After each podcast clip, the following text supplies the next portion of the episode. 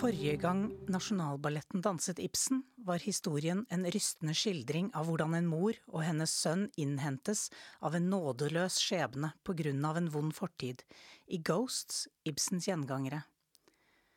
Nå tar kompaniet fatt på selveste Hedda Gabler. Henrik Ibsen ble født i Skien i 1828 og døde i Kristiania i 1906.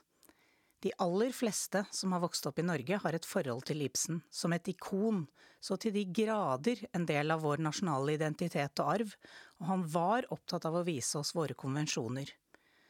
Ibsen tilbrakte store deler av sitt liv i utlandet, i Italia og Tyskland, og derfra så han nok det norske samfunnet enda tydeligere. Internasjonalt er Ibsen den mest spilte dramatikeren etter Shakespeare, og det kan man jo ikke si er en dårlig andreplass. Han skrev om sosialt sprengstoff som syflis, incest, barn utenfor ekteskap, aktiv dødshjelp, mye som fremdeles diskuteres den dag i dag. Verken hans ble derfor utsatt for harde angrep. Gjengangere ble bannlyst i Tyskland og måtte spilles på undergrunnsscener. Hedda Gabler ble gitt ut for første gang i London i 1890 i kun tolv eksemplarer, og var det siste verket han skrev i utlandet. Stykket hadde premiere året etter i München i Tyskland, og var begynnelsen på en mørkere periode i Ibsens virke. Det er helt klart et av Ibsens mest brutale verk. Hedda Gabler er også et av Ibsens mest spilte verk, likestilt med Et dukkehjem, til tross for at det nesten utelukkende fikk negativ omtale. I Morgenbladet sto det Alt i alt kan Hedda Gabler neppe kalles annet enn et uhyggelig fantasifoster, et av dikteren selv frembrakt uhyre i kvinneskikkelse, uten tilsvarende forbilde i virkelighetens verden. Så hva er det som gjør at Hedda Gabler spilles over hele verden? Vi har også tidligere hatt en ballett om Hedda Gabler. På Jungstorget i 1978 spilte blant andre Marte Sæther Hedda og Fredrik Rytter Løvborg. Kari Blakstad lagde koreografien. Et kort handlingsresymé. Vi befinner oss i en villa i den vestlige delen av byen. Det er morgen, høst, og Hedda og mannen har returnert etter en seks måneders bryllupsreise i utlandet. Hedda er gravid. Hedda er en ung kvinne i slutten av 20-årene. Hun er datter av general Gabler og etableres fra start som en opphøyet karakter. Kan du minnes når hun red sammen med faren utover veien, i den lange, sorte kledeskjolen? Hedda har vokst opp i et mannsdominert miljø. Det nevnes ingen mor eller andre kvinneskikkelser. Faren, som hun hadde et nært forhold til, lærte henne å skyte med pistoler og ri, og hun er tydelig preget av mannlige verdier og den større friheten menn hadde på den tiden. Men general Gabler etterlot henne uten formue, så hun har måttet gifte seg med Jørgen Tessmann, stipendiat i kunsthistorie, som håper på et professorat ved universitetet. Han kommer fra en helt annen bakgrunn enn henne. Han har vokst opp med sine tanter. Tante Julle, som vi får møte, har en stor innflytelse på Tessmann, og for Hedda representerer hun alt hun forakter. Det trivielle, det kjedelige og borgerlige som hun tar avstand fra. Hun minner henne også om døden. Assessor Brakk, en husvenn, er ofte på besøk. Han er en Hedda flørter med, så langt, men ikke lenger. Han er en farlig mann for henne fordi han vet for mye. Ellers hjelper han dem med finansene. Hedda betror ham at hun kjedet seg på bryllupsreisen.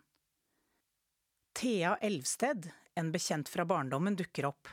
Hun bor nå på landet sammen med den mye eldre ektemannen, men har nå flyktet etter Eilert Løvborg, bohem og forfatter, tørrlagt alkoholiker, som har levd tilbaketrukket sammen med dem og skrevet de siste årene men har nå returnert til byen. Han er meget talentfull og truer professoratet til Tessmann. Han har med seg et verk han har skrevet i samarbeid med Thea. I løpet av kort tid setter Hedda i scene en rekke hendelser som får dramatiske følger. Hun får Løvborg til å bli med Brakk og Tessmann på galeien. Han ender opp videre på Dianas salonger, et sted med tvilsomt rykte. På veien hjem mister han manuset. Tessmann finner det og gir det til Hedda. Hedda unnlater å fortelle at hun har det. Når Løvborg returnerer til Tessmanns villa, er han meget nedslått. Han har mistet arbeidet sitt, livsgrunnlaget, og er dypt fortvilet. Hedda gir ham en av pistolene etter faren, ber ham gjøre slutt på det stygge, ende det i skjønnhet. Han blir drept av et vådeskudd i et basketak i Dianas salonger når han leter etter manuset. Brakk vet hvor pistolen kommer fra, og presser Hedda opp i et hjørne. Fortvilet ser hun til slutt ingen annen utvei, og skyter seg. Når man skal gjøre om et klassisk dialogbasert verk til dans, må bevegelsen gi oss forståelsen av handlingen.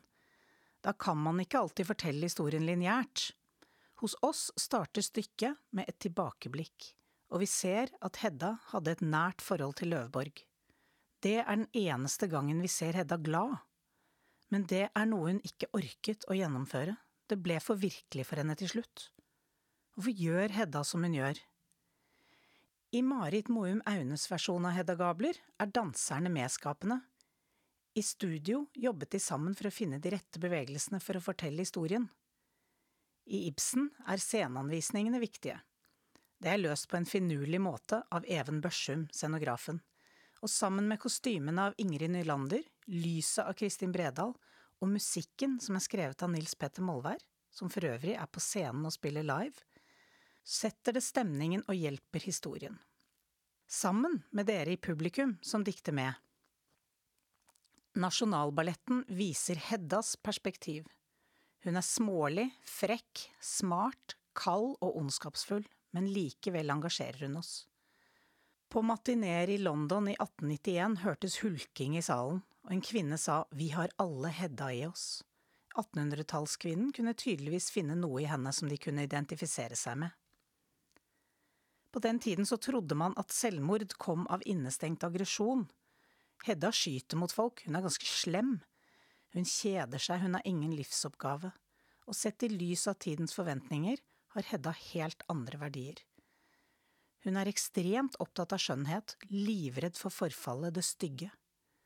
Hun er ikke opptatt av de kvinnelige verdiene på den tiden, som graviditet og strikking. Ofte i moderne regi av Hedda Gabler ser vi en frykt for at vi ikke skal forstå på grunn av vår ironiske distanse. Men for å forstå hva som driver Hedda til så desperate handlinger, må vi identifisere oss med livskrisen hennes. Hedda hadde så enorme forventninger til seg selv, hun klarte ikke å leve opp til dem og er enormt skuffet over livet.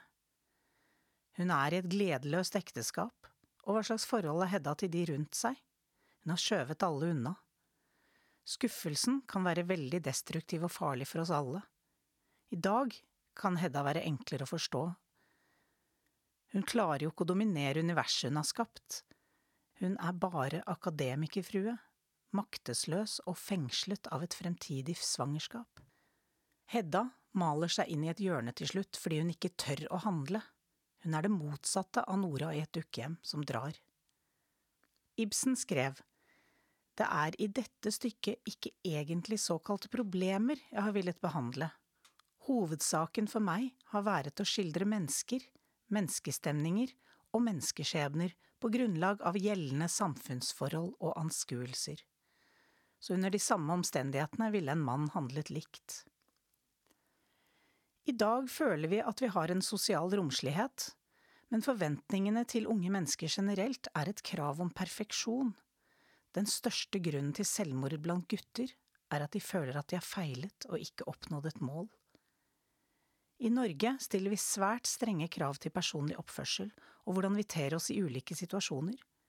Nordmenn er rett og slett svært lite romslige i møte med annerledeshet, noe som kan føre til en følelse av ensomhet. I vår tid trenger vi å se noen med Heddas lidenskap, noen som ikke er ironisk distansert, Kanskje vi kan lære Ibsens blikk på oss fra over 100 år siden?